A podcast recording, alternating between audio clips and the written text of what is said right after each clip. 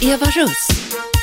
Varmt välkomna ska ni vara till ännu ett direktsänd relationsprogram. Jag gör ju här varenda dag mellan 10 och 12 måndag till fredag på Radio 1. Tänk dig att du vaknar upp efter en lång natts sömn.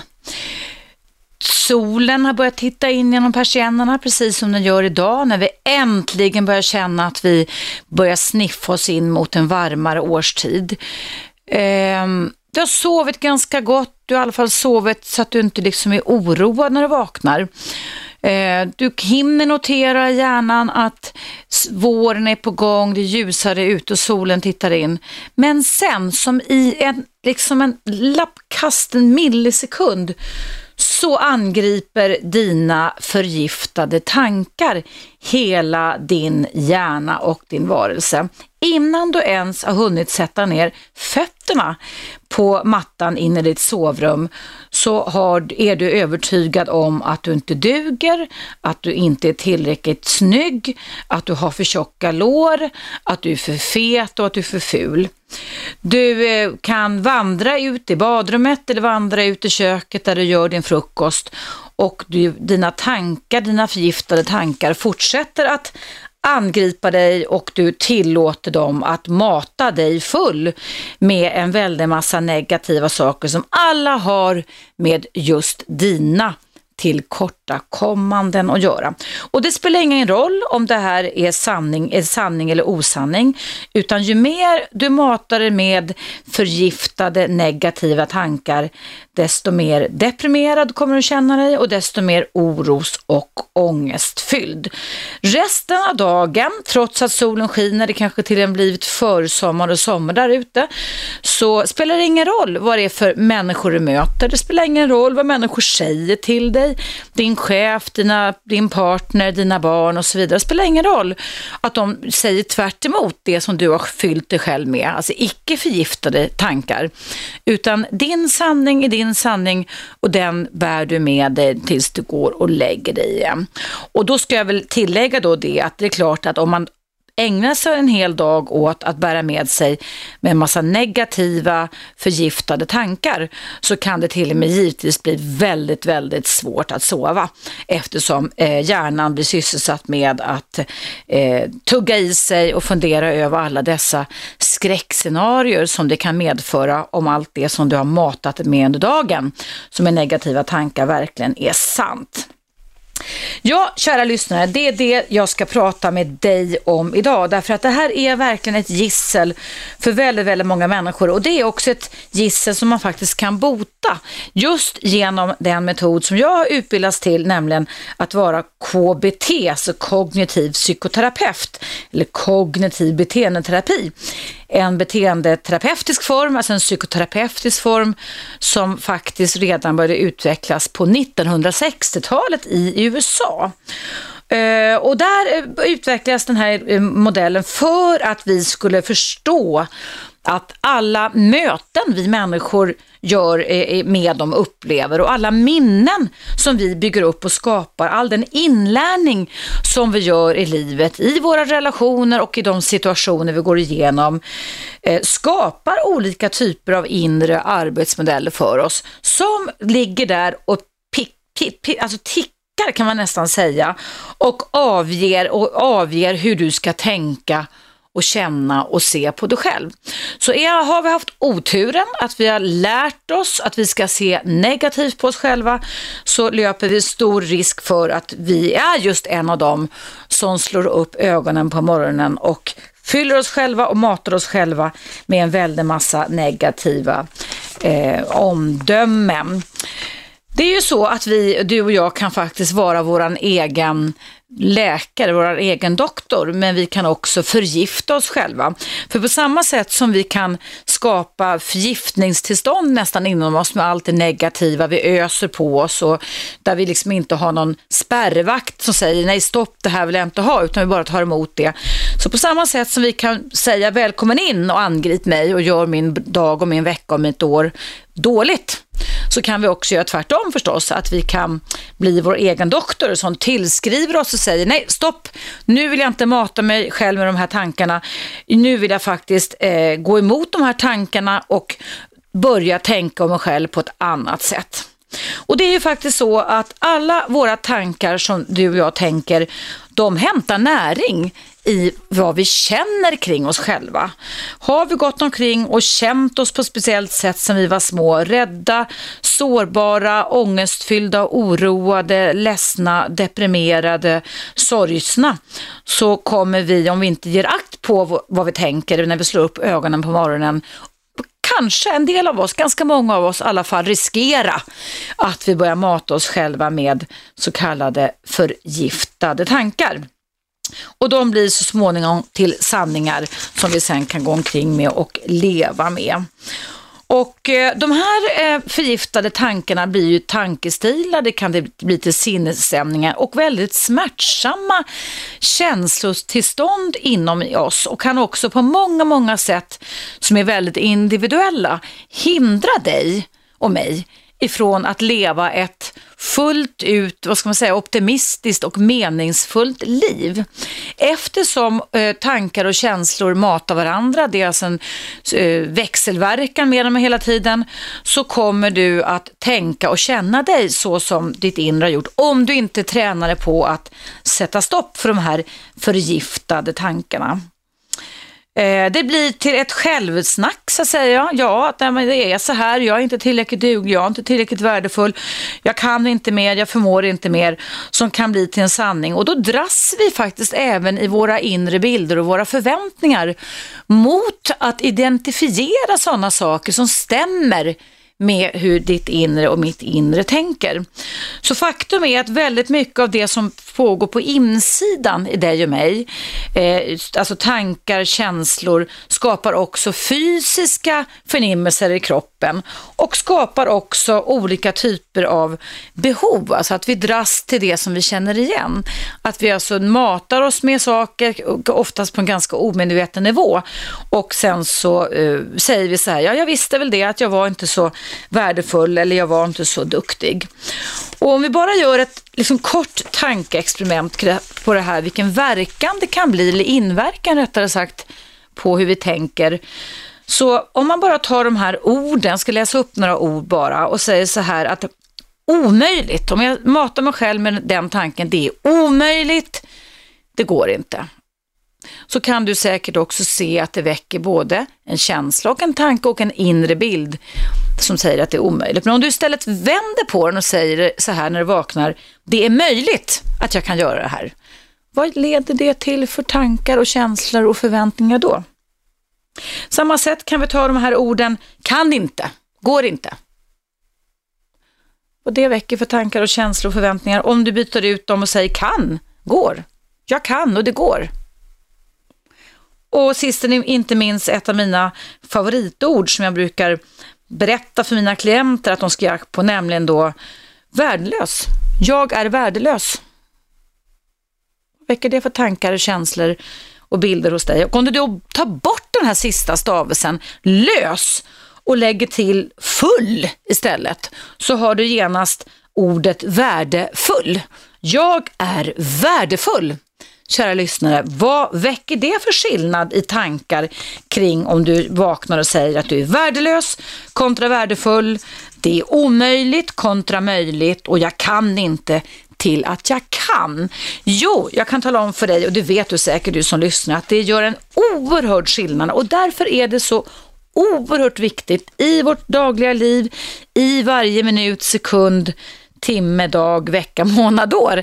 Att vi börjar bli medvetna om vårt inre snack och att vi börjar sätta stopp för och välja bort de tankar som inte ger livet någon mening.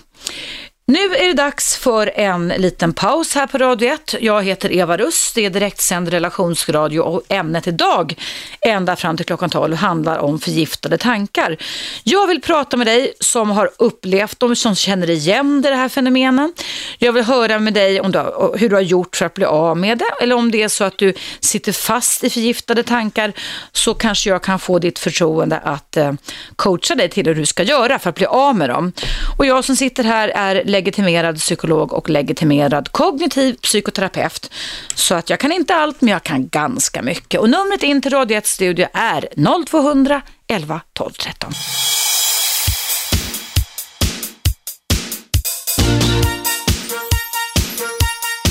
Radio 1 Eva Russ. Välkomna tillbaka. Idag pratar jag om förgiftade tankar. Och det är många som verkar känna igen sig. Vi ska börja med Susanne som ringde in i pausen. Hallå Susanne! Hej! Välkommen! Ja, tack. Det, det där kände jag igen mig ögonblickligen i. För jag vet, så, så, ja, så länge jag kan minnas så har jag vaknat på morgonen. Så vaknar jag ofta med ångest. Och mm. det, att, det, det kan vara då inför en för stor arbetsuppgift eller problem, privata problem. Precis som du sa, att man, hur ska jag klara av det här? Eh, och att allting känns som ett stort berg, att man ska kunna klara av det. När, när, när, när får du de tankarna? Är det precis när du har vaknat alltså? Ja, jag vaknar mm. och då blir det ångest direkt. Mm. Eh, då, men då har jag lärt mig att um, eh, man kan inte ligga kvar och tänka på det där utan då går jag upp. Jag går upp och lämnar det bakom mig och dagar kaffe och sätter igång dagen. Och sen så kanske jag någonstans har den här inställningen att man ska vara duktig flicka eller duktig pojke. Mm. Man får, för att man, man har, då, då kanske jag funderar, nu har jag ju ett val. Mm. Ska jag ska jag fightas och ta itu med det eller ska jag bara ge upp? Och det där med ge upp verkar inte vara lika kul. Då kan man ju gå och lägga sig igen. Mm. Men hur gör du för att bli av då när du kämpar, fightas mot de här förgiftade tankarna som du får jag, på morgonen?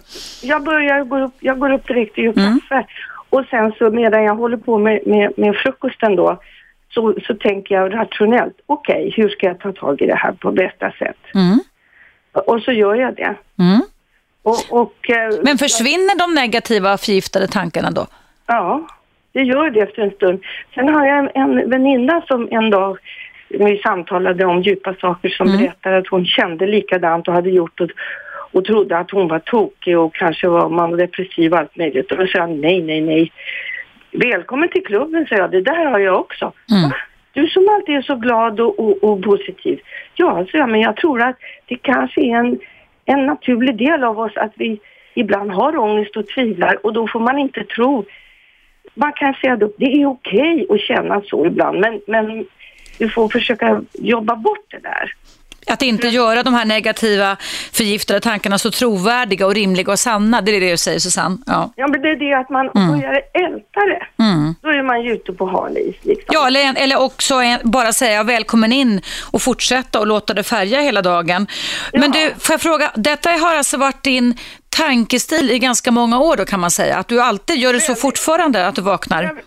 Ja, jag gör det fortfarande. Mm. Men, och det kanske är sen barn, jag var ensam ganska mycket när jag var barn och man lärde sig att um, man måste, jag tänkte, kan det vara en överlevnadsinstinkt kanske? Som slår in att man måste.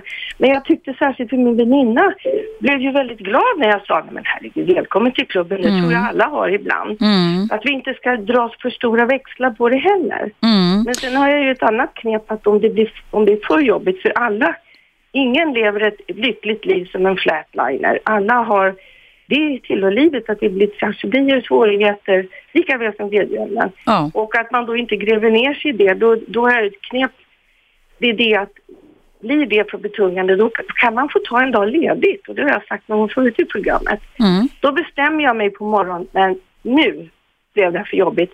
Idag tar jag ledigt från alla de här problemen semester och jag tänkte inte på det och jag gör ingenting annat än att ha trevligt i livet och så tar jag tur med det imorgon igen.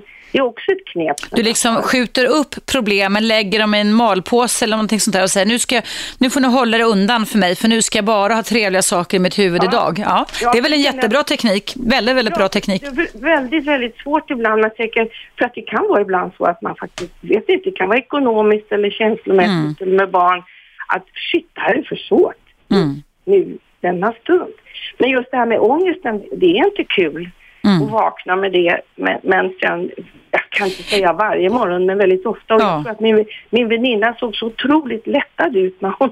När jag, jag hör att ni delade. Du vet, vet du, grejen är Susanne och alla ni som lyssnar också att uh -huh. det finns en fantastisk bok som heter eh, Varför zebror inte får magsår. Och uh -huh. den handlar om stresshantering i och för sig, men det handlar om att alla däggdjur, eh, vi är ju ett däggdjur med ett väldigt förfinat, utvecklat däggdjur i alla fall, eh, har inte den förmågan att ligga sömnlösa på natten och oroa sig eller vakna med negativa tankar. Nej. Utan för dem är gjort det gjort. Va? De har inte det nya systemet i hjärnan som vi har. Så att, så att vi, vi, vi, vi, för oss människor så kan det bli ett gissel att vi kan föreställa oss, för föreställningsförmågan kommer i det nya systemet i hjärnan och det leder då till att vi kan förgifta oss och våra tankar. Så att giraffer och andra djur kan ju i och för sig vara så korkade så de gör samma misstag om och om igen, eller hur? För de lär sig liksom ingenting. Nej. Men de angriper morgondag, eller nu, nuet i dagen på ett helt annat sätt med en positiv klang istället för vi som kan börja med en negativ klang. Ja, precis. Och sen att vi, vi människor bär gärna med oss, om vi säger att idag då, Mm. så är det ju onödigt att bära en säck med det som var jobbigt igår Mm. på ena axeln. Och på andra axeln ska man ha en säck med det som kan bli jobbigt imorgon. Just det. Hur Mm. sjutton ska man orka med dagen då? Nej, och det är det, det som är vårt gissel, att det, det, däggdjur sover gott om natten för de har inte den förmågan att tänka framåt och bakåt, men det Nej. har vi, det, vårt, det moderna det är däggdjuret, människan. Men jag ville bara säga Mm. det att jag tror att det är ganska vanligt men att, och, och kanske inte alla talar om det, men att man får, det det, man får jobba bort det. Man får jobba bort det. Och det, det du beskrev var väldigt bra, det var KBT-övningar skulle jag vilja säga, Ja, det kognitiva. kanske, ja. Det kanske jag har lärt mig själv på något sätt. ja För, jättebra. att för övrigt är jag ju en väldigt positiv Mm. person så. Mm. Men, men just det där att eh, det kan vara jättejobbigt. Men det var okej, nu är det bäst att gå upp och lämna Mm. det där. Mm, att man går emot de här tankarna och känslorna, struntar i dem, som du sa, bokar om dem, ombokar dem, lägger dem i malpåse, någonting sånt där. Jättebra råd Susanne, tack så jättemycket Okej, för din, tack. ditt engagemang. Hej då, hej hej hej. Eh, nu ska vi se här, Lennart, hallå? Hallå? Vad väckte det här med förgiftade tankar för tankar hos dig? Vad har du för erfarenhet av det? Jo, erfarenheten säger ju det att eh, jag tycker det där, om jag får använda min personliga synpunkt på eller min uppfattning så är det ju det att det har mycket med biorytmen att göra. Vissa perioder så känner man, känner man ju liksom missmodets grå bacill mer påtaglig, sådär, att det är påtagligt påträngande. Och i vissa dagar när man vaknar så är det en viss olustkänsla som man har i kroppen. Det tror jag alla upplever mer eller mindre. Och då brukar jag ta gå upp på morgonkulan och så tar man en kaffe Pascha Sikoria. Och då tycker jag jag känner mig bättre. Vad, ta, vad sa du att du tog för någonting? Jag hörde Jag inte. tog en, en kopp kaffe Pascha Sikoria. Ja, vad är det för något? Ja, det är gott kaffe. Som har En speciell viss- sorts kaffe alltså? Ja, det är mycket fin arom och sådär. Och så har jag ju tidningen då, ugnar mig först och främst inte till A-delen utan till C-delen, sporten då, för att eh, så slipper man se alla negativa saker. För det står Så att- så mycket negativt. Ja, men det är väl jättebra. Så alltså, du tar, se till att när kroppen är, som du sa, biorytmen är lite låg, då, korre- då korrigerar du den med ett extra gott kaffe. Ja, och sen undviker du att läsa negativa nyheter. Ja, jag först. börjar aldrig Mm, med bra. A-delen, utan jag börjar med den här Det är jättebra råd. sporten. Va? För att, eh, det är klart det kan Mm. stå massa negativa negationer där också. om Man är- har ett visst favoritlag Mm. som har fått däng som det heter.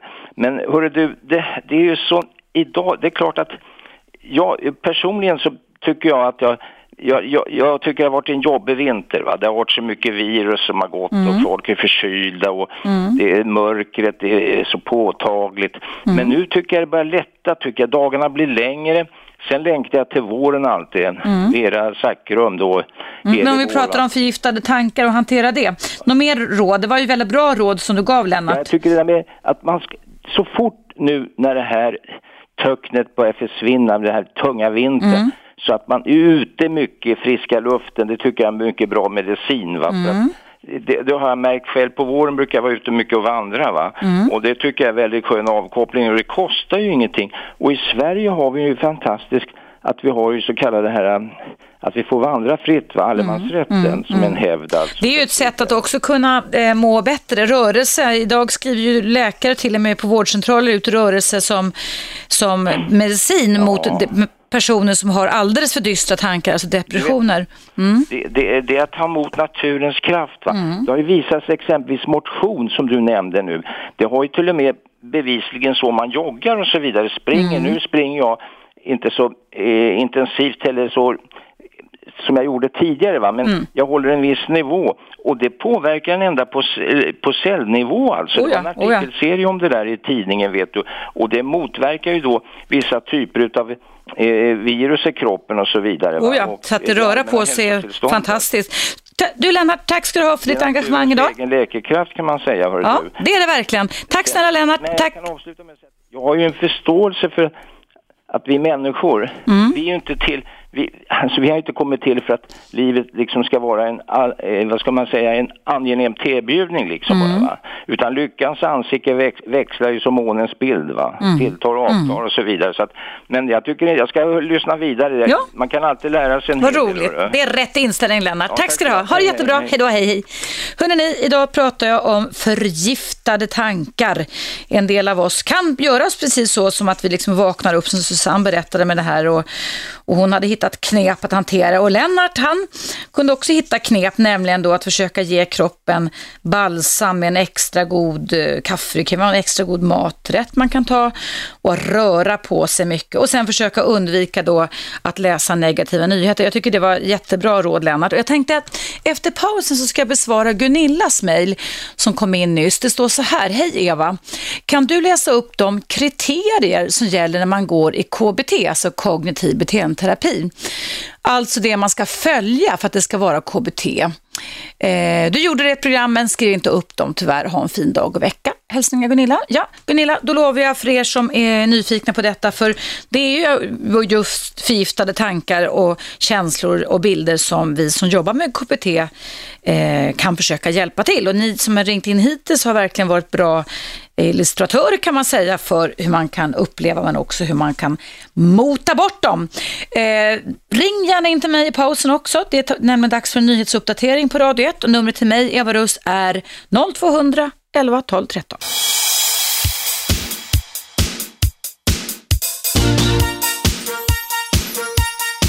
Radio 1. Eva Russ. Välkomna tillbaka ska ni vara. Idag pratar jag om förgiftade tankar, negativa automatiska tankar som kan vara ett gissel för många människor. Man kan till och med vakna upp trots att det är hoppfullt väder där ute och genast släck, släcka ner alla glädjeämnen i livet och tänka negativt om livet, sig själv och andra. Jag lovade innan pausen att jag skulle besvara Gunillas mejl om kriterier för KBT, alltså en KBT-behandling som man kan använda i behandlingen mot förgiftade tankar. Och jag ska göra det alldeles strax. Men jag tänkte att jag ville höra Johans egen upplevelse kring förgiftade tankar. Hej Johan, välkommen! Hej, tack. Ja, berätta vad det räckte. Du hörde Susanne prata lite om det här innan pausen, eller hur? Hur hon Ja, hade vak- vaknat upp med detta med en slags ångest och då kände du igen dig, sa du till mig. Ja, Jag kände igen en del, eh, väldigt mycket av det som hon eh, säger. Bland annat när man vaknar upp där och vill skjuta fram saker eller man känner att man inte orkar göra eh, det som man måste göra eller man känner liksom ah, orkar inte skriva upp ur sängen. Mm. Just hela den där känslan där när man vaknar. Det, jag tror att det är kroppens eget försvar som säger att nu har jag fått lite för mycket, kan vi vila lite grann? Kan vi ta det lugnt? Mm. Dra ner på tempot. Mm. Var det så för dig då när du hade negativa tankar eller förgiftade tankar? Eh, så var det. Jag eh, hade väldigt mycket att göra och eh, hade väldigt mycket att tänka på. Det var räkningar, det var personliga problem, det var allt möjligt. Mm. Och till slut så blev det en klump där man vaknade. Man kunde vara ganska frisk men ändå så eh, orkar man inte kliva upp. Eh, man vill inte ta tag i de där grejerna och så börjar man prioritera om så att eh, saker som var mindre viktiga hamnar överst helt Mm. Ganska klassiskt på ett sätt och vis, eller hur? Höll det på länge det här för din del, Johan? Eh, ja, det, det höll på i ungefär två till tre år. Mm. Det är lång tid det. Eh, det är det och eh, det var då jag började upptäcka att jag kanske ska lyssna på vad kroppen säger och börja varva ner. Ta det viktigaste först och skjuta bort alla andra och inte lova så mycket. Mm. Eh, och jag tror att det var det som Susanne också var inne på, att eh, göra det som är roligt Mm. eh, och få kroppen att slappna av Mm. må bra istället. Vad gjorde du som var roligt då, om du har lust att berätta om det? Eh, till att börja med så eh, stannade jag hemma och eh, jag läste väldigt mycket och Mm. det var viktigt för mig att börja få tillbaka läslusten. Alltså sjukskrev du dig genom att stanna hemma, Johan, eller? eller? Nej, det gjorde jag aldrig. Nej, okej. För, eh, Men när du sa att du stannade hemma, vad gjorde du då? Alltså, hade du tidigare ett jobb att gå till då eller? Eh, när jag kom hem från jobbet så Okej. gick jag aldrig vidare ut och Då förstår på Mm. saker. Mm. Och på helgerna stannade jag hemma och tog det lugnt och kopplade bort allt det här eh, med löften eller man måste. Så man tycker att eh, jo, man måste vara social och hälsa på alla vänner. Mm. Eh, ibland kan ju vännerna komma och hälsa på en istället. Mm. Eh, och som jag gjorde, jag läste väldigt mycket och eh, tog fram en bok så hände det helt plötsligt. Jag blev väldigt trött och orkade inte ens läsa första raden. Mm. Men det där vill jag få tillbaka, att kunna läsa en bok utan att bli trött. Och eh, det var en sak som jag kände att eh, när det kommer tillbaka så börjar jag må bättre. Mm. Jag börjar slappna av, kroppen börjar lugna ner sig. Så att man kan nästan säga att du hade någon slags utmattningssyndrom då Johan kanske? Eh, det kan man säga. Mm. Eh, jag tror att det var något sånt. Och men bara att oroa sig och tänka på eh, alla de här problemen och eh, försöka lösa problemen och alla andras problem. Allt sånt där som man tar på sig. Ja. Bara en sån sak tror jag är en väldigt eh, stor grej som eh, kroppen inte klarar av att hantera i, under allt för lång tid. Mm. Hur, hur mår du idag? Hur länge sedan, alltså vad, vad, hur, är det någon skillnad på då och nu för din del och Johan vad det gäller det här att liksom dra ner, ta bort stressen, över att fokusera och lyssna mer på dig själv? Eh, det är stor skillnad nu. Eh, jag känner att eh, sen jag började eh, dra ner på det där så tog det väl ungefär ett, ja, mellan ett halvår till ett år. Mm. Och eh, sen var jag tillbaka på banan igen. Mm. Eh, jag kunde ju fortfarande sköta jobb. Jag kunde fortfarande göra allting annat som jag verkligen var tvungen att göra. Mm. Men helt plötsligt kände jag att här med prioritering, jag sköt inte fram saker på samma sätt längre. Utan eh, det som var viktigt, det gjorde jag. Och jag kunde göra det på en gång. Jag skrev en list, list, lista på det som jag behövde göra. Och sen eh, bet jag av de grejerna. Och sen försökte jag hitta en balans. Mm. Och idag då, om du vaknar upp en sån fin marsdag som det i alla fall är här i Stockholm idag och skulle ha några förgiftade tankar, negativa sådana, vad, hur skulle du gå tillväga då? Kan du ge ett litet quick fix för oss som lyssnar? Eh, ja, eh, just nu så skulle jag väl eh, försöka ta en kort dag kanske. Kolla ifall... Eh, man måste ju göra vissa saker som sköta Mm. jobbet och sådär. Mm. Men det är så att man mår väldigt dåligt så eh, kan man ju eh, ringa till jobbet och säga att du, eh, är det okej om jag tar ledigt idag? Mm. Se efter med kollegorna ifall, eh, eh, och chefen ifall eh, de kan acceptera det. Och vad gör man då, då om det skulle vara möjligt att man kunde vara ledig? Hur ska man då tillbringa en dag off, off duty så att säga för att få, få, få de rätta tankarna tillbaka? Ehm, jag brukar eh, sätta mig ner, eh, kanske kolla lite på TV eller slappna av eller sitta Mm. ute i solen, gå ut och ta en promenad. Mm. Eh, rensa tankarna lite grann.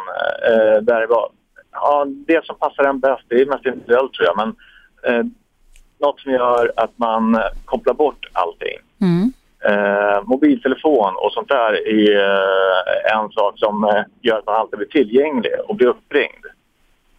Och eh, det tror jag kan bli ett problem, ett hinder för att rensa bort allting annat. Mm. Och den kan man ju lämna hemma i så fall om man går ut. Så man har en frizon själv, det är bara du och det, det, dina tankar och dina känslor liksom som inte blir utsatta för stress eller eh, ja, andra människors inverkan på några olika sätt som det kan bli med telefonsamtal. Precis, precis. Eh, precis, att man eh, eh, liksom, ja, hittar det här eh, lugnet, hittar den här isoleringen Mm. eh, där ingen kommer åt den Mm. just under det här, vad kan vara, en timme eller två eller Mm. kanske Mm. vad det nu som behövs. Och sen göra någonting roligt kanske? Eh, ja, det kan man också göra. Lyssna på någon musik som gör en glad kanske? Ja, det brukar fungera. Ja, ja. Musik brukar ha på den effekten. Ja, det går ju, ändrar ju känslor i ett nafs musik alltså, till både ledsna och goda kärlekskänslor. Men du, vad härligt det låter, så du har verkligen lärt känna dig själv, du har fått koll på dig själv och du vet hur du ska göra om du skulle hamna i det här igen. Precis. Eh, det var en väldigt lärorik period jag hade där och eh, jag tror att det är väldigt viktigt att man lyssnar på kroppen när den säger ifrån. Mm. Och eh, den har ju olika signaler.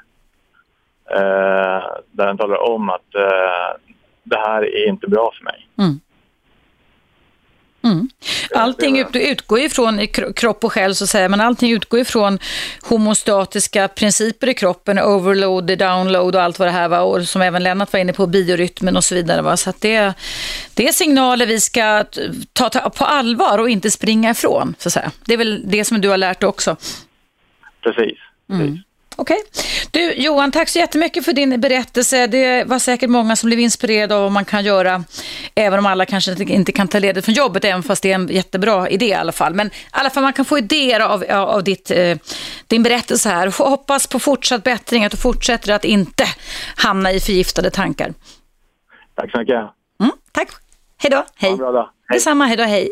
Ja, hörrni, jag pratar alltså om förgiftade tankar och det där var Lennart som berättade, eh, nej förlåt, Johan som berättade hur han har gjort när han för många år sedan drabbades av detta, en form av, kan man säga, utmattning. Och det är ju så att när kroppen, alltså när vi rent fysiologiskt eh, blir drabbade på olika sätt, när immunförsvaret går ner, när vi kanske på grund av psykisk stress och andra saker börjar bli utmattade och nedsänkta, då har vi oftast mycket svårare att kunna säga stopp till negativa tankar. Att, att liksom tankarna matchar det inre fysiologiska tillståndet och då kan det vara väldigt bra, precis som Johan sa här, att försöka jobba med det fysiologiska tillståndet, att skaffa sig en, en balans kring det här igen. Men man kan också jobba med KBT med det här och nu efter pausen i alla fall så ska jag besvara Gunillas mejl om hur man, eh, vilka kriterier det är när man ska gå KBT. Så vill du lyssna på det men också fortsätta och ringa in så är du varmt välkommen. Det handlar alltså om förgiftade tankar, hur man kan bli av med dem. Och det ska jag också berätta om utifrån mitt perspektiv hur man kan bli om en liten stund. Men först tar vi en liten paus på Radio 1.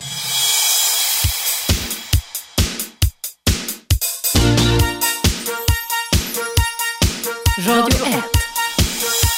Eva Russ. Välkomna tillbaka. Eh, ja, idag pratar jag om förgiftade tankar och det är faktiskt så att det är någonting som vi som är KBT-inriktade, kognitiv beteendeterapeutiskt inriktade som jag är som i egenskap av psykoterapeut, det är liksom någonting som vi kavlar upp ärvarna inför och älskar att jobba med. Eh, Gunilla har mejlat mig och frågat eh, vad, vad det är som ska ingå för att det ska kunna vara KBT om man söker KBT. Så jag tänkte rekapitulera det lite här igen. Eh, när man går till en eh, psykoterapeut eller psykolog också som har en KBT-inriktning så är eh, själva kriteriet för det första tycker jag att det ska vara en person som har en av Socialstyrelsen utfärdad yrkeslegitimation. Man kan ringa till Socialstyrelsen och höra om den man har träffat har en yrkeslegitimation. Det börjar för kvalitet. Det är det första det viktiga. Det andra är då det att man alltid gör en kartläggning tillsammans de första två, tre gångerna. Det beror lite på hur snabb psykoterapeuten är och hur bra kontakt man får, man får med sin klient. Och en kartläggning kallas med ett fint ord konceptualisering. Det brukar man oftast ha ett formulär för och där plöjer man igenom med dig som klient eh, barndomen, uppväxten, relationer, känslor med föräldrar, syskon, eh, händelser i skolan, vändpunkter, första kärleken eh, och just vändpunkter, alltså saker som vi alla går igenom, hur du hanterade kriser och, och motgångar och sådana saker och vad det väckte för tankar, känslor och beteenden hos det. Så att man liksom kammar igenom från noll nästan ända upp till den ålder som klienten befinner sig idag. Många tycker att det är lite jobbigt, men det är man tvungen att göra för att vi ska kunna vaska fram någon form av karta, eftersom det är en kartläggning man gör det första man gör i KBT. Och när den här kartläggningen är klar så eh, utrustar psykoterapeuten bildligt talat dig som är klient och sig själv med en, alltså en bild bara, en slags hack om du tänker det så. Där man tänker sig då att man lägger dina problem eh, på ett bord emellan er. Så att ni sitter och pratar om dina problem fast du lägger ifrån dem på ett bord. Du lägger dem inte i knät på psykoterapeuten utan det ligger mellan er på ett neutralt bord. Och sen är uppgiften för KBT-terapeuten utifrån den här kartläggningen, det är då att liksom hacka plocka ut olika sanningar ur alla din, eh, eller hela din erfarenhets, inlärnings, känslo, tankebank och minnesbank och tillsammans med dig eh, vägleda till nya upptäckter. Vägledd upptäckt är ett sånt här begrepp som vi har inom KBT där man då ska hjälpas åt med att säga okej, okay, så här har det varit, men finns det några alternativ till hur vi skulle kunna hantera det här idag? Och ehm, eh, det innebär då att terapeuten eh, är aktiv med att ställa frågor till dig som klient. Och Det innebär att, att, att terapeuten ska inte sitta och leverera massa sanningar eh, och snacka mest som man ibland kan uppleva att det ibland har varit inom till exempel vissa psykodynamiska eh, terapiformer så kan det ibland vara så att det är terapeuten som snackar mest. Men här är det faktiskt så att hela KBT terapiformen ska hjälpa dig som klient att komma på nya tankar, komma på bättre tankar, KBT, är det någon som översätter till KBT, komma på bättre tankar. Att hitta alternativa synsätt, att hitta alternativa beteenden, att gå emot de så kallade inre arbetsmodeller och citat sanningar som livet hittills har fått dig att tro är eh, absoluta sanningar. Och tesen bakom KBT det är alltså att man ska jobba med vägledd upptäckt. Vi ska, även om tillvaron har varit pest tidigare så betyder inte det att vi för resten av livet ska gå omkring och tänka och övergeneralisera och katastrofiera tillvaron framåt, vilket då vi kan göra och inte däggdjuren kan göra. Så att vi kan alltså få magsår, vi kan få katastrofkänslor i kroppen, vi kan nästan få hjärtattack därför att vi tänker sådana katastrofala tankar. Utan där säger man oftast det att det som har hänt har hänt, det kan vi inte ändra på. Men vi kan jobba med dina förväntningar och föreställningar som är felaktiga och som utifrån det som har hänt och som skapar förväntningar om framtiden som inte är sanna. För vi vet ingenting om framtiden, men vi kan jobba med nuet så att du varje dag du slår upp dina ögon ger akt på vad är det för tankar jag har? Är det giftiga tankar eller är det goda tankar? Och vad kan jag göra för att kunna stoppa de här? Och då är det så eh, med KBT så då att då använder man sig av en teknik världen över som heter sokratisk frågeteknik. Och då ska en KBT-terapeut vara väldigt frågvis. Ibland känner jag när jag jobbar med KBT-terapier att jag tröttnar lite på mig själv för jag tycker att man ställer frågor och det är väldigt mycket vad-frågor, hur-frågor, kan du se det på något annat sätt? Vad skulle hända om du såg på det ur en annan synvinkel? Vad är det värsta som skulle kunna hända om du gjorde det här? Har det redan hänt? Okej, okay, om det, det värsta redan har hänt, hur skulle du kunna tänka på framtiden då? Så allting är en, det är, alltså KBT är en väldigt aktiv terapiform och där man eh, så gott som varje gång ska avsluta terapiformen efter de här tre, tre fyra gångernas kartläggning med att formulera en hemuppgift. Och hemuppgiften är fortsättningen på den här vägledda upptäckten. Så att du med dina nya tankar och känslor som förhoppningsvis har kommit fram i terapirummet går hem och övar i real life så att säga på att göra och tänka och känna och bete dig på annorlunda sätt. Det är att liksom hitta nya tillstånd, nya beteenden i dig själv. Och en kognitiv beteendesession, terapisession, den följer också, ska följa en väldigt strikt agenda. Ehm, det kan till och med vara så att den du går till har en agenda. Det alltså ska vara ordning och reda, inte flum så att säga. Eh, och eh, den kan till exempel se ut så här som då att man frågar det första man gör, hur har du haft det sen sist? Hur gick det med hemuppgiften? Och så pratar man lite om det. Eftersom en hemuppgift som man får ska föra dig framåt, alltså till nya insikter och nya tankar, känslor och beteenden. Så då kan man prata om det först, att då kan man se om det blev en värdefull inlärning, för det är tanken det. Ibland händer det ju faktiskt att jag som psykoterapeut och ni andra som är det också ger värdelösa hemuppgifter och då får vi säga det att ja, okej, okay, det är inte med med det, det blev, funkar inte, då får vi hitta på den här istället. Så det är liksom ett verktyg för både klient och terapeut att kunna stämma av hur gick det med hemmaövningarna.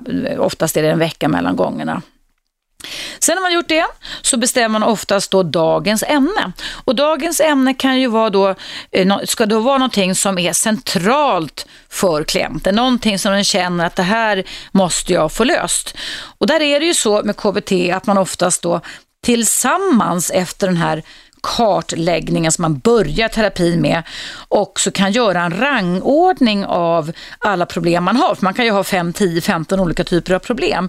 Men då kan man göra en rangordning tillsammans och göra en slags avvägning, prioritetslista kan man säga. Vilket är det som är värst och vilket är minst värst. Vilket känns mest och vilket känns minst och så vidare. Och sen så kan man resonera sig fram till eh, var man ska börja och oftast är det ju så att man börjar med det som kan te sig lättast att förändra, för det bygger upp en känsla av kontroll. Och när man känner att man kan förändra någonting, vad tror du händer med de förgiftade tankarna då? Jo, de blir ju gladare. Va? Så att vi alltså, kan oftast börja med det enklaste för att sen gå på det svåraste. Det är att bygga självförtroende, bättre självkänsla hos klienten. Och eh, man brukar också säga då att målen i en KBT-session ska vara mätbara.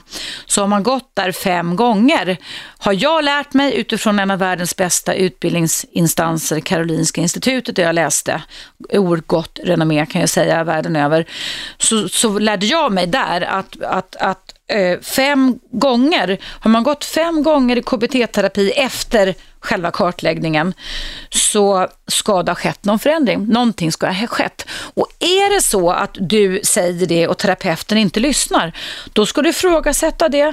Du ska kräva terapeuten nästan på att du får lite pengar tillbaka om det skulle vara så. Ibland kan man faktiskt göra så om man ger en behandling som är värdelös för klienten. Eh, jag har gjort det, det är inte alla som gör, men jag tycker det är en etisk fråga. Och sen så kan man också säga till, klient, eller till terapeuten att du, jag blir inte bättre av det här, jag blir sämre. Jag måste få bättre hjälp. Om det är då så att den du går till, psykolog eller psykoterapeut eller psykiatriker, eh, säger så här, nej men nu du får vänta, det kommer strö. Då ska du dra öronen åt dig, för då är inte den personen på din bana. Då är man inte lyhörd.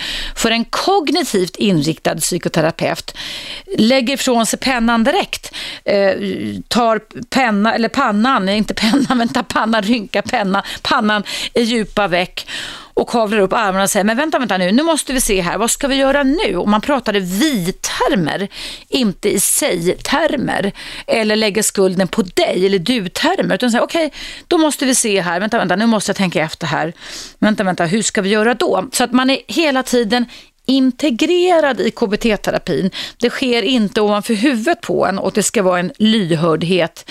Och man har rätt att klaga och man har rätt att säga att det här blir ju ingenting. Liksom. För att även om man har en lång utbildning så kan man givetvis ge råd som ibland, alltså funkar det för en patient jättebra och sen funkar det mindre. Och då får man anpassa sig efter det. Men då är det viktigt att det finns en orädd relation mellan klienten och terapeuten så att man inte är rädd för repressalier eller är rädd för att terapeuten ska falla i gråt. Alltså sådana terapeuter ska man inte gå till, de ska man lämna direkt. Utan det ska vara någon som säger, säger du det? Åh katten, men vänta, som är alltså nyfiken själv och är, eh, inte skuldbelägger dig på något sätt. Okej, okay, det är jättebra att du berättar det här, för då måste jag eh, tänka till lite här och, och gå hem på kammaren och fundera. Så har jag gjort många gånger och jag har lärt mig någonting genom att man har en öppen dialog.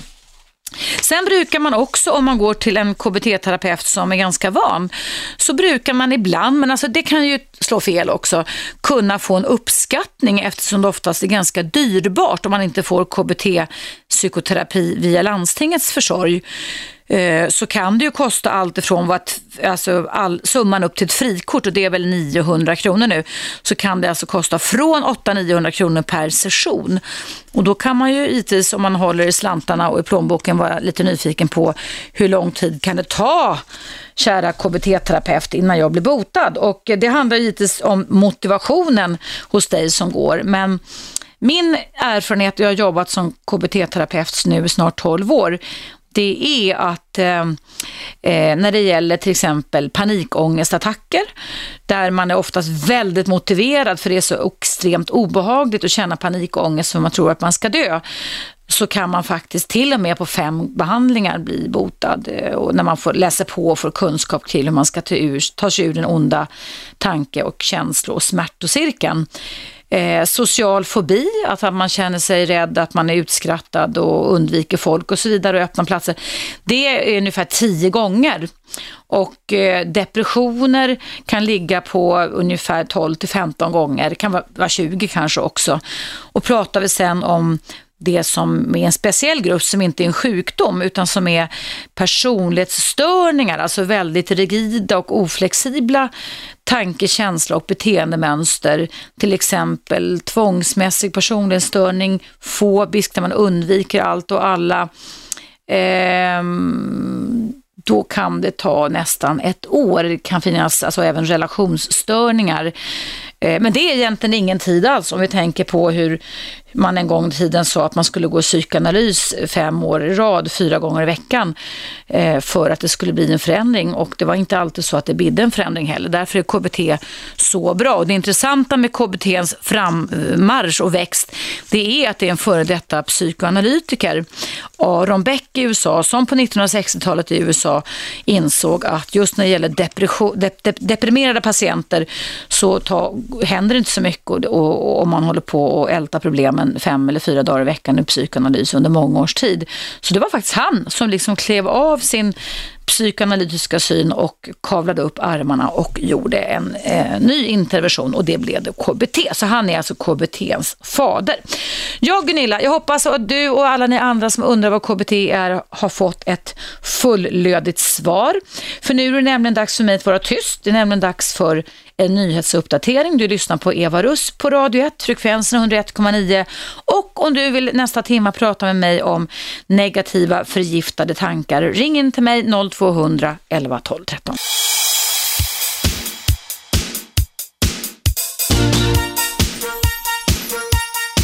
Radio 1. Eva Russ. Välkomna tillbaka. Hörrni, idag pratar jag om förgiftade tankar och innan pausen så pratade jag om kriterier på KBT, hur en KBT-session ska kunna gå till och vilka krav man kan ställa. Eh, det var en lyssnare som hade mejlat in som heter Gunilla. Och nu har Anita eh, ställt en följdfråga. Det står så här. Hej Eva. Först vill jag säga bra program. Nu till min fråga. KBT talas det så mycket om. Själv har jag gått DBT som terapiform. Är det inte lika vanligt och passar inte det alla? Hälsningar Anita. Tack Anita för din fråga. Det kan vi också passa på att klargöra här och nu. Eh, KBT började alltså på 1960-talet utvecklas och allt efter åren har gått, årtiondena har gått, så har ju andra utvecklare hängt på, om man kan uttrycka det som så. En av dessa utvecklare heter Marsha Linehan. Marsha Linehan, hon är professor i psykologi och jobbar i Washington, USA. Hon har själv i New York Times för några år sedan gått ut med, hon är kanske 60 plus idag, gått ut med att hon själv när hon var ung led av eh, borderline personlighetsstörning eller det, som det kallas idag, emotionell instabil personlighetsstörning och skar sig och hade ätstörningar. Eh, förmodligen så var det för Marsha Linehan ett startskott till att lära sig mer om hur hon skulle kunna bli frisk, alltså bli fri från de här impulserna. Så att idag är Marsha Linehan den som hittade på den nya utvecklingen av KBT som alltså heter DBT. Och det står för dialektisk beteendeterapi. Jag gick en kurs hos Marsha Linehan i USA förra året just i DBT. Och det handlar då om att hjälpa patienter som oftast då har någon slags känslomässig instabilitet att inte gå igång så förbaskat mycket på sina känslor och överreagera utan att lära sig att coola ner sig, hålla sig lugn och ifrågasätta om det som har hänt, den situationen som triggade eller som utlöste de här starka känslorna verkligen var så fotfull och livsfarlig så att det var adekvat för dem att reagera så känslomässigt stark. Det är en, det är en mycket, mycket bra terapi. Jag tycker den kan användas på, på många andra med. Här i Sverige så vet jag, jag har hört genom er lyssnare att den har använts i fängelser också, där man handlar om att kriminella kan behöva sätt att kunna inte överreagera och på, gå igång på känslor. Och det har tydligen varit gruppbehandlingar här i Stockholmstrakten inom kriminalvårdens regi och det blivit jätte, jättebra för dem. Jag hade en lyssnare som ringde in här för något år sedan och berättade om det. Eh, sen vet jag också det att det finns vissa, funnits som forskning vid Karolinska institutet i Stockholm där man då har haft DBT-inriktning jag tror att jag tror att man kan ha det inom barnpsykiatrin. Nu var det länge sedan jag jobbade där så jag kan inte svära mig helt fri angående det. Det finns också eh, privatpraktiserande kognitiva psykoterapeuter. Men det är samma krav där tycker jag. Alltså, ni ska inte finna er i att få någon liksom, skitterapi eller någon som säger att ah, jag, kan, jag har gått lite det, jag har gått lite det. Jag har alltså hört sådana skräckexempel genom åren när klienter kommer till mig. Att ja, ja vadå, man behöver inte, man behöver inte specialisera sig. Man kan ha lite DBT, lite KBT och lite sådär. Då, skulle, då ska ni inte ha det, utan det ska vara en person som gärna har något snyggt diplom på väggen och som ni kan kolla upp i Socialstyrelsen polisens register och, och be att de redogör för sin kompetens. Men DBT är en jättebra behandlingsmetod med. Hoppas det är ett svar till dig Anita. Sen har det kommit in ett mejl idag ifrån Anders. Jag pratar alltså om förgiftade tankar och det står så här. Jag är deltidsarbetslös sedan ett och ett halvt år. Sitter och väntar på telefon, mejl och på att brevbäraren ska komma med ett positivt brev, brev som svar på en ansökan. Men för det mesta, skriver Anders, är det helt tyst. Ingen som hör av sig. Till slut känner man sig värdelös. Man vänder på dygnet och sover dåligt. Ibland känner man att det vore skönt att bara försvinna. Det känns ganska hopplöst. Hur kan man tänka positivt? Hälsningar Anders. Ja, kära Anders och alla ni andra. Det här är ett praktexempel på hur väntan kan faktiskt utgöra det största existentiella hotet mot oss människor. Visste du om det? Att väntan är ett av de värsta gissel som finns för vår tankeverksamhet. Det har nämligen visat sig i krigsstudier eh, att det är, inte, det är inte kulorna oftast ifrån de egna som dödar eh, soldater i krig utan det är att de håller på att bli tokiga av väntan och alltså kan skapa en enorm massa katastrofala scenarier inne i huvudet. Så att det Anders beskriver i sitt mejl det är just det här att när han inte, där inte händer någonting så halkar han in med att börja förgifta sig under väntan då med en väldig massa förgiftade och negativa tankar. Jajamensan Anders, det går och ni som känner igen er, det går visst att komma till rätta med det här. Eh, det man oftast gör när man hamnar i det här som Anders har gjort och som jag vet att många av er tyvärr befinner er i att man är arbetslös, det är ju då det att man sitter precis som han och väntar. Men det är också det att man kan göra sig själv extra sårbar och liksom sätter sin kompetens i relation med hur många svar på ansökningar man får. Och det är där jag tycker att du och du som känner igen dig Anders problematik ska börja, nämligen den att minska inverkan på om ni får svar eller inte. För din kompetens är din kompetens. Det är din unika kompetens. Du har gjort en massa saker. Det kan ingen ta ifrån dig mot ditt eget nekande. Och istället tillskriva det som att okej okay, om du inte får brevet med brevbäraren och så vidare med ett positivt besked så beror det på att det kan det beror inte på att du är kass. Man kan lätt hamna ett svartvitt tänk, Anders. Utan det handlar om att det finns en massa alternativa förklaringar till att du inte får något brev med brevbäraren som är positivt. Vad skulle det kunna vara? Jag, jag kan bara rada upp vad jag kan tänka mig jag skulle säga till dig om du var min klient i mitt terapirum. Jag skulle till exempel säga så här då att eh, det beror, eh, allt som inte har med dig att göra, det är att arbetsmarknaden är så, konjunkturen är så, Eh, man har tagit in för många människor för kanske 15-20 år sedan och med lika utbildning eller lika yrkeserfarenheter. Så liksom det har blivit en propp i det hela. Eh, livet är orättvist men det betyder inte att du är kass, Anders. Det är oerhört viktigt och den här listan kan du liksom fylla på tycker jag. För det du har börjat hamna i Anders, det är att du har börjat liksom koppla ihop dödläget, väntan, med att tillskriva dig själv att du är värdelös. Och sen sover du dåligt på dygnet och det är nästan så att du håller på att skapa dig en depression. För det du säger är att du känner att allting är hopplöst. Vad jag tycker att du ska göra Anders, det är att jag tycker att du ska börja att ta kontroll över dina förgiftade tankar genom att bestämma dig för att om du får ett brev eller inte brev från posten så betyder inte det, eller när du inte har eh, fått det än så betyder inte det att du är kass. Att alltså sluta och bryta den negativa trenden i ditt inre med att tro och låta dig tro och gå igång på det att bara för att du inte får något jobb så är du kass. Det är det första du måste göra. Ingen kan ta ifrån dig den kompetensen du har mot din egen vilja. Så det är regel nummer ett. Jag har några till eh, tips till dig Anders och du som känner igen dig i det här att man börjar tänka hopplösa och förgiftade tankar. Men de kommer efter den lilla reklampausen som kommer här på Radio 1.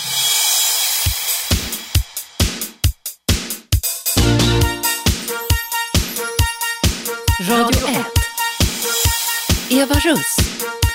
Välkomna tillbaka. Ja, idag pratar jag om förgiftade tankar och Anders har mejlat in till mig här och eh, sitter och väntar förgäves på eh, en positiv signal ifrån eh, jobbansökningar och under tiden som han gör det under väntan som ett gissel för oss människor så har han börjat utveckla nästan eh, depression som kan bli konsekvensen av förgiftade negativa tankar. Och mitt råd innan pausen till Anders det var den att eh, bestämma sig för att oavsett eh, när eller hur eller om han får svar, positivt svar eller negativt, så ska han ändå inte tillåta sig själv att tänka i så svartvita tankar som att han är pass om man nu skulle få ett negativt svar. Och det var regel nummer ett i mitt råd, KBT-råd, att ingen kan ta ifrån dig din kompetens och dina tankar mot din egen vilja. Och det får du skriva lappar om Anders. Sätt dem vid sängbordet så att när du slår upp dina ögon på morgonen så läser du på kring det här.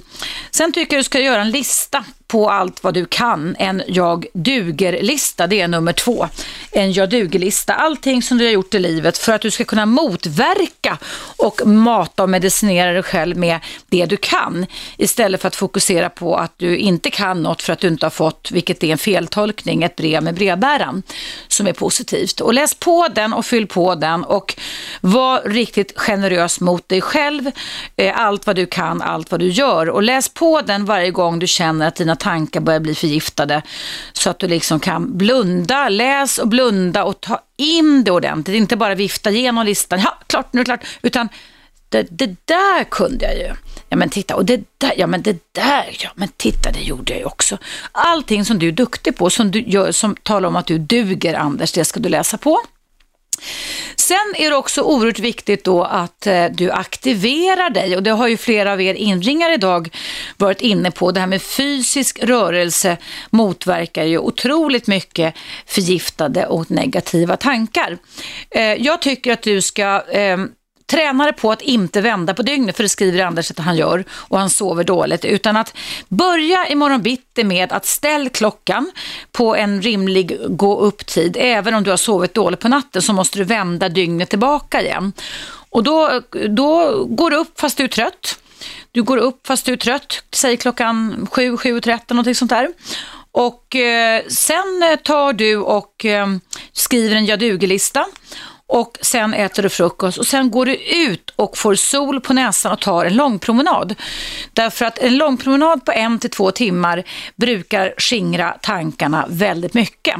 Du kommer säkert komma i kontakt med dåliga tankar men du kommer också komma i kontakt med bra tankar.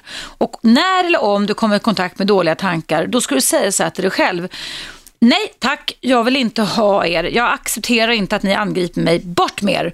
Nu ska jag tänka på någonting positivt istället. Så, så varje gång som de här tankarna kommer, då säger du nej tack, bort. Ungefär som gumman Tö som ska jaga bort snön vid den här årstiden. Fram med kvasten, bort, bort, försvinn. Nu ska jag tänka på någonting roligt. Nu ska jag tänka på någonting roligt. Och roligt kan ju till exempel vara att du ska ringa någon kompis, att du ska aktivera dig under dagtid istället för att sitta hemma och vänta när du är arbetslös och producerar massa förgiftade tankar i huvudet. Eh, det är vad du ska göra. Aktivera dig, liksom gör ett schema nästan för dagen som du håller dig till. Och varje gång dina tankar vandrar in mot att du är kass värdelös så får du ta upp den här jag duger-listan och läsa på och säga att visserligen känner jag så här men om jag nu använder mitt förnuft och min logik så kan det faktiskt vara så att eh, det här är bara hjärnspöken hos mig som lurar mig helt och hållet alltså. Som lurar mig och det här stämmer faktiskt inte med verkligheten. Och det gäller alltså att försöka eh, ifrågasätta kan man säga din, din egen inre kritiker. Du verkligen ifrågasätta, men vänta hallå, hur tänker jag nu kring det här? Är det här verkligen vettigt för mig att tänka på det här sättet? Och börja fundera på vilka tankar skulle jag kunna tänka istället då? Hur skulle jag kunna göra det? Jag hade ju Martin Lidberg, eh, vän och kollega till mig från TV4 bröllopsform, tillika Let's Dance-vinnare och världsmästare brottning hos mig för ett tag sedan här på Radio 1. Och han berättade hur han jobbade stenhårt med att skriva lappar lappar om hur han skulle tänka och se på sig själv. Och där berättade ju han att han till och med fick upptryck på Aftonbladet, min tidning, en löpsedel där det stod Martin Lidberg eh, vann eh, VM-guldet i brottning och någonting sånt där, fast han inte hade gjort det än. För att han då skulle kunna mata sig själv med positiv förväntan. Och kanske, Anders, det skulle kunna vara så att du skulle kunna göra det med och skriva lappar och säga så här. Eh, det kommer att ordna sig för mig. Snart så kommer jag att få ett jobb som jag eh, förtjänar. Eh, snart så kommer en, en arbetsgivare att upptäcka mig för jag är bra till exempel. De två meningarna tycker jag att du skulle kunna sätta hemma. Och sen som sagt va, gör din dag meningsfull istället för meningslös genom att gå och fylla dig själv med negativa tankar. En lågkonjunktur och, och att det är så många som söker samma jobb betyder alltså inte rätlinjigt att du är kass, Anders. Kom ihåg det. Så även om du känner dig hopplös och deppad så får du försöka gå bort ifrån känslan. Och där gäller det, det är mitt sista råd till dig Anders, att inte göra alla känslor, alltså de som är förgiftade och negativa, så rimliga och sanna. Och där får du fråga dig själv, är det verkligen rimligt att bara för att det just nu är så att jag inte fått något svar via brevbäraren, att jag ska deppa ihop och vill försvinna från jordens yta? Står mina framtida tankar och beslut i paritet med detta? Vad är det för fakta jag utesluter? Det här är ett och ett halvt år i mitt liv. Hur var mitt liv innan? Hur kan det bli sen? Så börjar dagdröm om framtiden också. Och jag kan trösta dig med Anders att på 90-talet när det var en förra lågkonjunkturen i Sverige då var jag dels skild och hade ensam vårdnad, eller hade, mina barn bodde hos mig för tre barn som var i åldrarna de var i åldrarna, ska vi se här, tre och ett halvt, sju och ett halvt och elva, tolv och ett halvt någonting sånt av mina tre barn då. Och eh, jag blev uppsagd fyra år i rad, en gång per år, mellan 91 och 95. Jag fick ett nytt jobb, blev uppsagd, fick ett nytt jobb, blev uppsagd, fick ett nytt jobb, blev uppsagd, fick ett nytt jobb, blev uppsagd. Och eh, Självklart var det oerhört bittert och oerhört tungt. Jag hade ju då eh, min livsgnista kvar eftersom jag hade då mina barn. Men vad jag gjorde det var att jag tillskrev aldrig mig själv problematiken. Utan jag tillskrev den eh, faktiskt till konjunkturen och till alla tokigheter. Sen tog jag kontroll över min situation och valde att gå i någon annan riktning. Ehm, jag var redan då psykolog, jag var inte psykoterapeut än. Så att ehm, jag skrapade ihop lite pengar och utbildade mig vid 36 års ålder till aerobicsinstruktör och vattenaerobicsinstruktör. Det var jätteroligt, jag kom på goda tankar, jag hade skitroligt, jag tränade och jag gjorde det i väntan på att få jobb igen. Och sen så fick jag jobb igen, jag blev skolpsykolog, jag blev BUP-chef och nu är jag radiopratare. Så ni ser alltså, det kan hända massor med saker. Så predicera inte, alltså förutspå inte framtiden med utifrån de känslor ni har, utan gör saker så att ni kan förändra de här känslorna eh, kring detta. Det är mitt råd till dig Anders. Jag hoppas att det hjälper, annars får du höra av dig eh, kring detta. Eh, nu har jag eh, många som mejlar mig idag när det handlar om giftiga tankar. Nu har Gunilla hört av sig igen. Då står det så här, hej Eva. Jag har en i min närhet som går i KBT och för mig låter det inte som detta du beskriver. Tack snälla du för att du tog dig tid att berätta. Ha det så gott. Ja, det var alltså Gunilla som ville ha en beskrivning och det fick du ju Gunilla. Så att pressa den eh, behandlaren då på vad är det för mischmasch de håller på med. Sen har jag fått ett annat eh, eh mejl från David. Det står så här. Hej Eva, tack för ett jättebra program. Vad är det för skillnad på en psykolog, psykiatriker och psykoterapeut? Hälsningar David. Bra fråga David. Jo, det kan jag väldigt lätt förklara. En psykolog läser fem år på psykologprogrammet som finns på ganska många utbildningsinstanser, alltså universitet, högskolor runt om i Sverige. Och legitimerad psykolog blir man e- ett år efter att man är klar efter de här första fem åren, där man måste liksom göra praktik och sen får man då en legitimation utfärdad av Socialstyrelsen. En psykiatriker, det är en läkare som först har läst, jag tror att det är fem år till läkare, sen har blivit legitimerad läkare, ett år precis samma sak som psykolog och sen har gjort sin specialistinriktning, alltså om man ska bli öron, näsa, hals eller ortoped inom psykiatrin, barn eller vuxenpsykiatrin. Och det tar, tror jag, mellan tummen och pekfingret mellan tre till fyra år att bli specialiserad.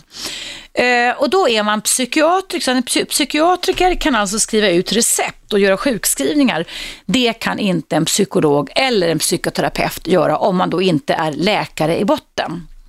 Och avslutningsvis då eh, David så är en psykoterapeut det är alltså en fristående utbildning eh, som tar tre år att gå om man har en psykologutbildning i botten, vilket jag då hade. Om man inte har en psykologutbildning i botten så tar den fem år. Då är det två plus tre år. Den är dock inte på heltid och det är oftast då högskolor, universitet. Jag läste på Karolinska institutet en dag i veckan veckan ungefär var det. Eh, och då blir man då, om man vill bli psykoterapeut och inte psykolog, då går man först två år och det kallas då för steg ett. Det, man är inte legitimerad, man får inte kalla sig för psykoterapeut. Sen ansöker man till de här tre åren igen som kallas för steg två. Och när du är klar med steg två, då kan du ansöka om legitimation från Socialstyrelsen. Så funkar det. Mer frågor hörni, jag hoppas att jag utreder lite. Det är ganska många som alltså inte vet skillnad på detta, men då vet ni det att, att eh, Psykiatriker är alltså en läkare som, som har specialistutbildning, men en psykoterapeut kan ju också vara en läkare som har gått en psykoterapeututbildning och då kan denna skriva ut mediciner och sjukskriva. En psykolog kan inte skriva ut mediciner och sjukskriva och man blir inte psykoterapeut bara för att man är psykologutbildad utan man har inbakat i psykologutbildningen steg ett men man måste gå de här tre påbyggnadsåren för att man ska kunna bli något. Jajamensan, jag ska läsa upp Niklas mejl efter pausen här om KBT. Men nu är det dags för en nyhetsuppdatering. Du lyssnar på Eva Russ på Radio 1.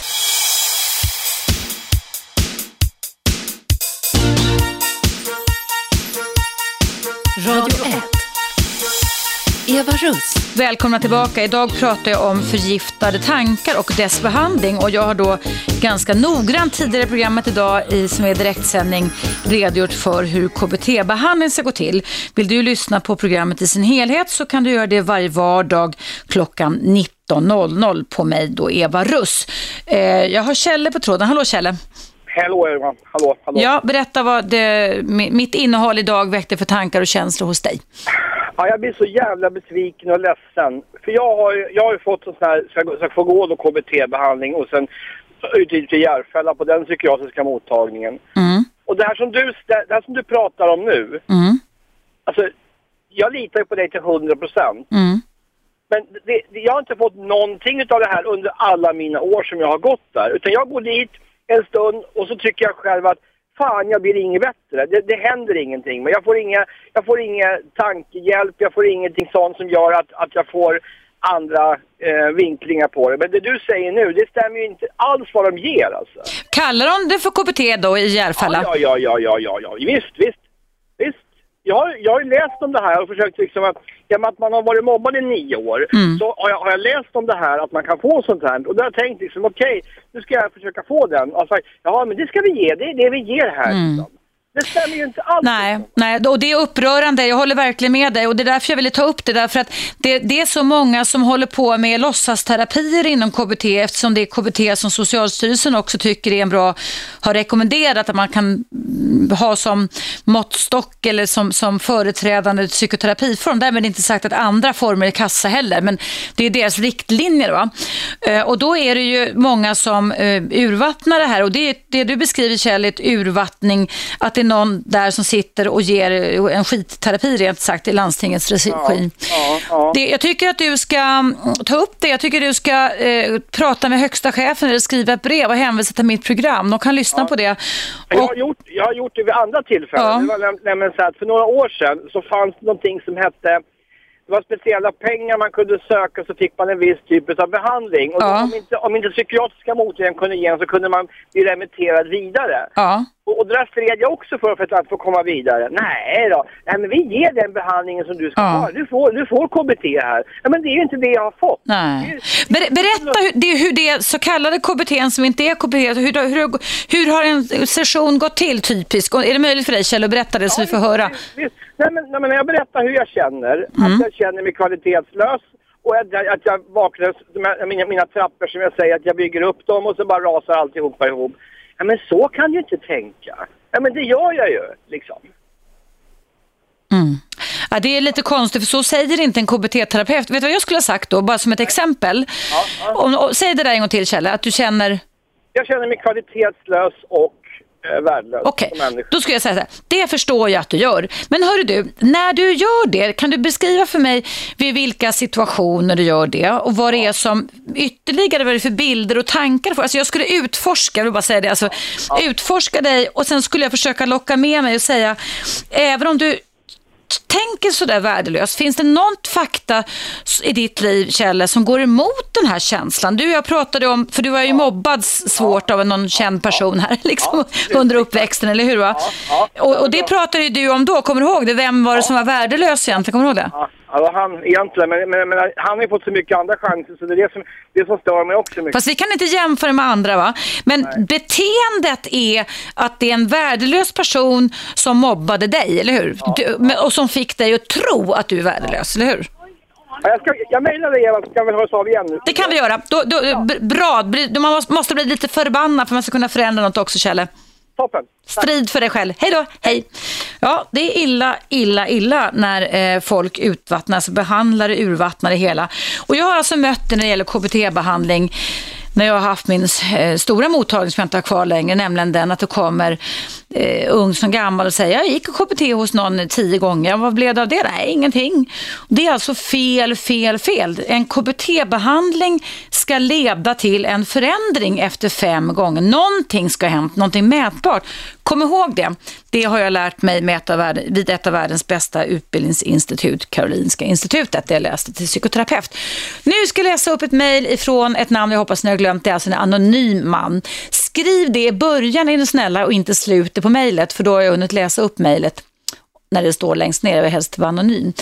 Nu hoppas jag vi har glömt den var som mejlade, i alla fall en man, och han skriver så här. Jag är en småbarnspappa som går i KBT just nu. Jag har lärt mig att bli mycket mer positiv och att inte reagera direkt när jag blir arg utan att skapa en tids, tidskil och det har hjälpt mig otroligt mycket. Mitt problem är att nu när jag har fått ökad kunskap om området så känner jag lättare igen andras destruktiva beteenden. Min sambo matar nämligen sig själv med negativitet hela dagarna. Jag försöker få henne att ändra på sig, men hon reagerar bara med aggressivitet och målar upp ännu mera negativa händelser som oftast inte har någon verklighetsförankring. Hon intalar sig saker vi båda vet inte är sanna och går oftast ut på att jag gör det mesta fel och att jag inte städar något hemma. Och jag kan inte bryta hennes stegrande aggressivitet vad jag än försöker med. Oftast säger anonym man då, så ber honom om ursäkt efter någon dag. Men det här är otroligt jobbigt för mig och tar inte hänsyn till att våra barn är i samma rum som hon när hon har fått nog. Jag vill verkligen inte ha det så här, för hon är en otroligt bra tjej när hon inte är så där arg. Sen märker jag att våra barn inte mår bra. Eh, vårt ena barn säger på dagis mamma skriker. Eh, och så vidare. Ja, det var det den anonym man skrev då. Och det är precis som du skriver här att när man har börjat att förstå hur saker och ting hänger ihop som du har gjort då i, genom KBT-terapi så får man liksom en ny karta och en ny kompass. Det är det som är själva tanken med KBT-terapi och då ser du ju tydligare på din partner som du lever med vad denna håller på med. Jag tycker du ska ta upp det här med din KBT-terapeut och faktiskt få lite råd, för det kan man faktiskt göra. Inte att du behöver släppa dit din sambo, men du kan ändå säga hur ska jag hantera detta?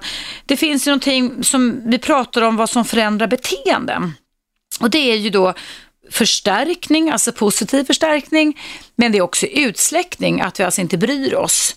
Och jag kan tänka mig till dig, anonym man, som har mejlat mig, att, att ähm, äh, du skulle kunna, alltså när hon börjar bli arg, och skulle du kanske kunna sjunga en sång, alltså avväpna henne. Jag lärde mig av professorn Åsa Nilssonne som var min studierektor på Karolinska hon är ju deckarförfattare också till Smärtbäraren, en alldeles utmärkt pocketbok.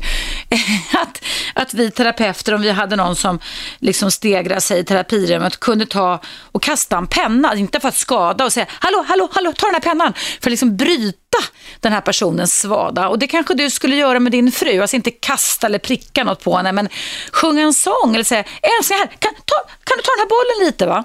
Det kan alltså vara ett sätt att överrumpla en person så att de liksom kommer av sig. Eller att du går och sjunger en gullig sång, inte för att vara spydig eller sarkastisk eller någonting sånt där.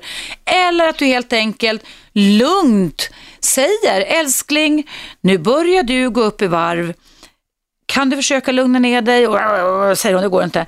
Okej, okay, men då lugnar jag med mig, då går jag ut. Att du liksom är autonom, att du ser till att du inte blir förbannad och tar på dig det här. Du ska inte vara någon skottavla liksom för det här. När du ändrar dina beteenden så kommer hon ändra sina beteenden också. Eh, så att det kan ju vara Um, det kan ju vara ert samspel lite där som skulle kunna behöva förändras uh, för att du skulle kunna få en förändring. Sen kan du berätta för henne, tycker jag, eh, anonym man, om eh, vad du har lärt dig om samband mellan tankar, känslor, inre bilder, förväntningar och beteenden. För det är ju det man, man utbildar ju eh, klienter i KBT som psykoterapeut. Man ska utbilda dem, det ska du också höra Kjell. Man säger så här att det, det du har lärt dig är bra på ett visst sätt, men det du kommer till mig för, det är saker som du har lärt dig fel. Och nu ska vi lära dig på ett nytt sätt istället. Vi ska lära dig tänka på ett nytt sätt, vi ska lära dig att bete dig på ett nytt sätt. Och då ska vi tillsammans kavla upp armarna och utforska din nya tillvaro med vägledd upptäckt. Så det är det man gör i KBT hur som helst. Eh, du ska ha tack så jättemycket för ditt mejl och du får väl höra av dig igen om eh, det är något mer problem kring detta. Jag har ett um, mejl till här. Uh, du, du, du, ja, det behöver jag läsa i pausen. Det är från Ida. Mm. Ja, det var lite knepigt. Jag ska återkomma till det Ida och säga om man kan kommentera det idag eller inte. Men nu är det däremot dags för en liten paus. Du lyssnar på Radio 1, frekvensen 101,9. Jag heter Eva Russ och det är direktsänd relationsradio med temat förgiftade tankar idag.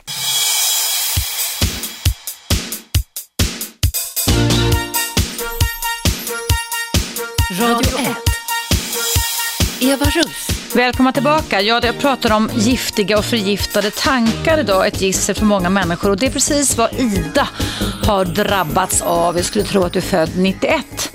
Eh, hon skriver så här, jag har en pojkvän och vi har varit tillsammans i ett år. Mitt problem är, hur bra vän har du och hur mycket han än berättar att han älskar mig, så tänker jag nästan varje dag, tycker han om mig fortfarande? Nu kanske han tänker att han inte vill vara med mig längre. Om han bara kollar in i väggen om vi ligger i soffan, tänker jag direkt. Nu funderar han på oss och att han inte vill vara med mig. Jag får, skriver Ida, sådana tankar hela tiden fast jag inte vill. Det är precis vad det här programmet handlar om, alltså förgiftade tankar säger jag då. Och sen fortsätter Ida så här, att man vaknar varje morgon och tänker, ah, han har tröttnat på mig nu. Jag vill inte gå och tänka så. Det är nästan så att jag kan bli förvånad när han säger att jag älskar dig. Även fast jag vet att det kommer vara han och jag är, och jag, är jag så är jag ändå så rädd att bli av med honom. Hur får man bort sådana tankar? Eh, jag har aldrig haft ett förhållande innan, men, och här tror jag vi har eh, boven på spåren till Idas sätt att tänka. Jag har fått hjärtat krossat och blivit sexuellt utnyttjad. Och jag har stannat kvar för jag har trott mera så många gånger så jag har tappat räkningen lilla vän säger jag, eller stora vän ska jag väl säga, stackars dig. Eh, det är ju så när man tittar på KBT och när man tittar ur det perspektivet i alla fall som jag jobbar med, uppkomsten till förgiftade tankar som de som du exakt beskriver här Ida, så kan man oftast hitta att det finns en koppling så att säga till erfarenheter, minnen, traumatan, vändpunkter och så vidare som man har varit med om när man var yngre. Allting byggs ju på och blir till en salig cocktail kan jag säga när man är vuxen. Och har man då eh, fått både hjärtat krossat och blivit sexuellt utnyttjad eh, väldigt mycket och stannat kvar för du har hoppats på det någonstans mer så skulle jag tro att debuten kan finnas fler debuter till dina förgiftade tankar. Ligger någonstans där att du är så pass värdelös så du kan bara ha sex med folk utan känslor. Och att eh, du är så värdelös så du hellre stannar kvar hos folk som sexuellt utnyttjar dig än går därifrån. Det är vad jag tänker, vad jag får för mig utifrån min erfarenhet. Kan ha startat de här förgiftade tankarna i dig Ida. Sen har du nu då, vilket jag är jätteglad att höra, träffat en bra kille, bra jobbat, för det är många flickor som har varit med om det som du har varit, alltså sexuellt utnyttjade, som aldrig faktiskt hittar bra killar utan som istället blir porraktriser i porrfilmer och så vidare. Eller säljer sex. Så det har du gjort bra. Men jag förstår att då finns det liksom rester kvar inom dig som är, kan man säga, de här förgiftade tankarna som har med din värdelöshetsföreställning att göra implanterade. Och det är ju ofta så med sådana här giftiga tankar att de är väldigt motståndskraftiga, ungefär som ett virus som vi får i kroppen mot alternativa tankar. Det här kan ju ta lite längre tid Ida, men du är en ung flicka och du har sett att du håller på med det här och det är faktiskt ett första framsteg. Du har börjat med vägledd upptäckt. Ska du ha en liten applåd av mig för, för det är inte alla som i din ålder är så kloka och kan se liksom sambanden.